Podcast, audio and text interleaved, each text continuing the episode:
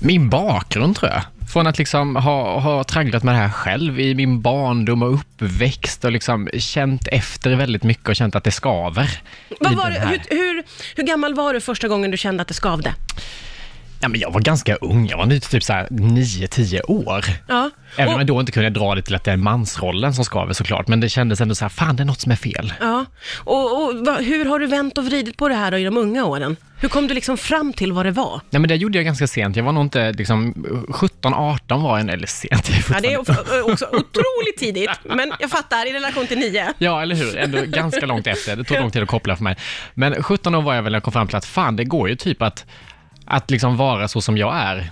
Och vara man också. Liksom. Man behöver inte vara de här stereotypa sportintresserad eller händig, eh, känslokall, styra upp alla känslor själv, veta, kunna, kunna ta en smäll. Jag behöver inte kunna det där. Jag kan också vara jävligt känslig, gråta, sjunga, allting jag vill.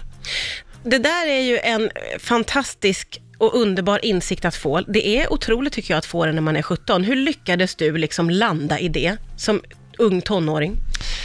terapi. Får jag faktiskt säga. Jag ska inte leka liksom hjälte att jag lyckades med det där själv, utan jag var tvungen att gå jättemycket terapi och prata, eh, liksom både med Hanna och med kompisar, familj. Alltså det var mycket, liksom, typ två, tre års process det här, liksom, innan jag kände att nu har jag nog landat i att det är okej, att det funkar. Och så behövde klippa band med gamla människor liksom, som jag haft i mitt liv för att hitta nya, ta mig till en ny plats gjorde jag också.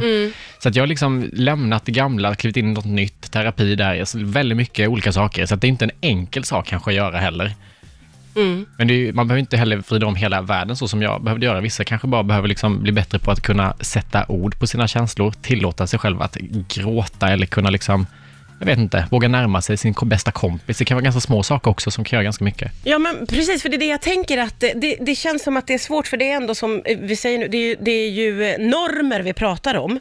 Eh, och det, det, är liksom, det kan vara svårt, eh, tänker jag, bara utifrån att man är i ett samhälle, eller i en klass, eller på ett Ja. jobb, eller i en grupp. Eh, och, och, och de klassiska mansnormerna finns och är.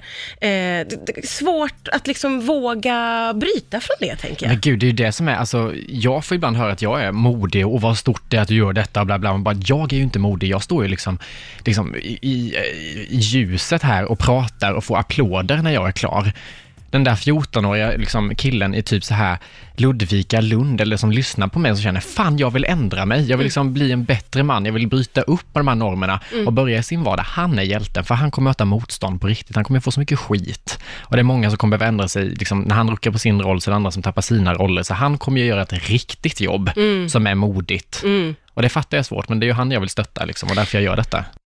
Ta det som en man, där han eh, utmanar eh, de manliga stereotyperna. Och eh, under eh, låten här med Victoria så berättade du för mig att du får väldigt starka reaktioner från publiken. Ja. Eh, och det där är jag nyfiken på, för jag då, med mina fördomar som jag har, tänker jag att män blir provocerade, kanske sura. Ja. Men, men vad händer under föreställningen? Nej men jag sa ju det, jag har ju också förberett mig lite på att jag skulle få hat, att folk typ skulle kasta tomater på mig, bli upprörda, arga och inte alls ta emot det här väl. Men varje föreställning jag haft hittills så har det varit eh, slutsålt och det har varit 50-50 fördelat mellan kön och det har varit allt från liksom 80-åriga människor som kom in med käpp, var det senast, till typ en sjuårig pojke och tjej. Ja. Och det som har förvånat mig så mycket och gjort mig så rörd är att de här männen gråter, jättemånga av dem. När jag slutar så ser jag flera män som är i tårar och som ställer sig upp först av alla och applåderar och drar igång de här stående ovationerna. Och sen får jag meddelande från liksom fruar, från eh, flickvänner, från systrar och männen själva som skriver om deras upplevelser, om att de var kritiska när de kom dit och Ja. tänkte vad fan är det här för jävla skit, någon 22-åring som ska tala om för oss hur vi ska leva, vad, va? Betala pengar för det och sen så går de därifrån och bara, fan vad det här var något nytt, vad, vad, vad, Vad kul det säger var. de att det, liksom, de har fått? Vad är det som gör att en 70-årig man ställer sig upp och gråter i slutet? Jag tror att jag säger någonting som, jag säger liksom saker som alla vet tror jag. Det är ingenting nytt jag kommer med. Alla har nog tänkt det jag säger, men ingen har just gjort det, sagt det.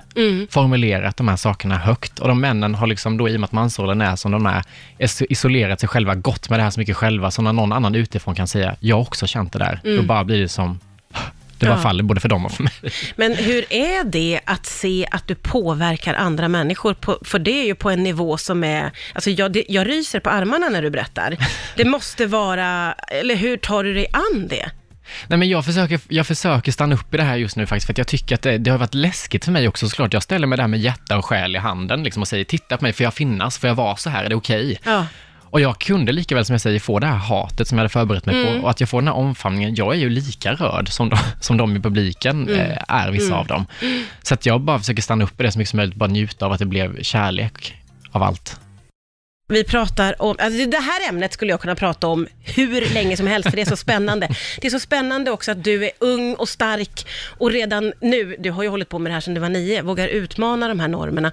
Eh, Men jag fr- frågade dig innan, hur ser du framtiden? Kan du se att barn och unga som växer upp idag har med sig en annan slags bild av vad manlighet behöver vara? Ja, men både och. Alltså, jag tror att många tänker att man är mycket längre fram än vad vi faktiskt är. Ja, okej. När jag har varit ute liksom på skolor eller får meddelanden från liksom unga människor så är det ju ofta att det är samma jargong nu som det var då. Man skriker bög högljutt i hela skolkorridoren. Man talar ner till kvinnor, liksom tjejer som argumenterar för sin rätt i skolan kallas för feministfitta eller hora liksom ganska hårt av killar. Så att det finns någon slags manlighet att också ha lite det här föraktet och hårda i sig fortfarande idag där. Samtidigt som jag också får många meddelanden från folk som faktiskt kan säga ifrån idag, som inte ställer sig in i det där, utan det finns folk som ändå det så här- finns några som... Ja, som inte finner sig. Ja. Som bara säger nej, det där är inte rätt. Ja. Och det är de som man tror är, som jag tycker är hoppet någonstans. Mm. Att de vågar bryta den isen, att fler kan komma efter typ. Vad va, vad hoppas du då och tror om, om framtiden? Vågar det- du sia? Ja, men det jag vill är väl typ att den här föreställningen ska ses som någon slags käftsmäll och kram. Jag vill ju liksom så öppna ögonen på killar och män och få dem att se sina privilegier i samhället och vilket ansvar det innebär. Så att de kan börja ta det ansvaret och vara med i utvecklingen framåt som kvinnor till största del har drivit hittills i historien, liksom, att vi ska utvecklas i jämlikt samhälle. Eh, samtidigt som jag vill öppna upp för den här kramen, att nu får vi börja närma oss varandra. Det är okej att prata och liksom känna och gråta och allt det här. Det gör ingenting. Släpp garden. Och eh, du får möjlighet att fortsätta göra det även under hösten, för att Ja. eh, du ska få fortsätta åka land och rike runt. Precis. Ja, kul. Jättekul, jag är så tacksam för det. På, på fredag släpper vi biljetterna till hela höstturnén då, där jag kör ytterligare 25 föreställningar runt Ja. om i landet.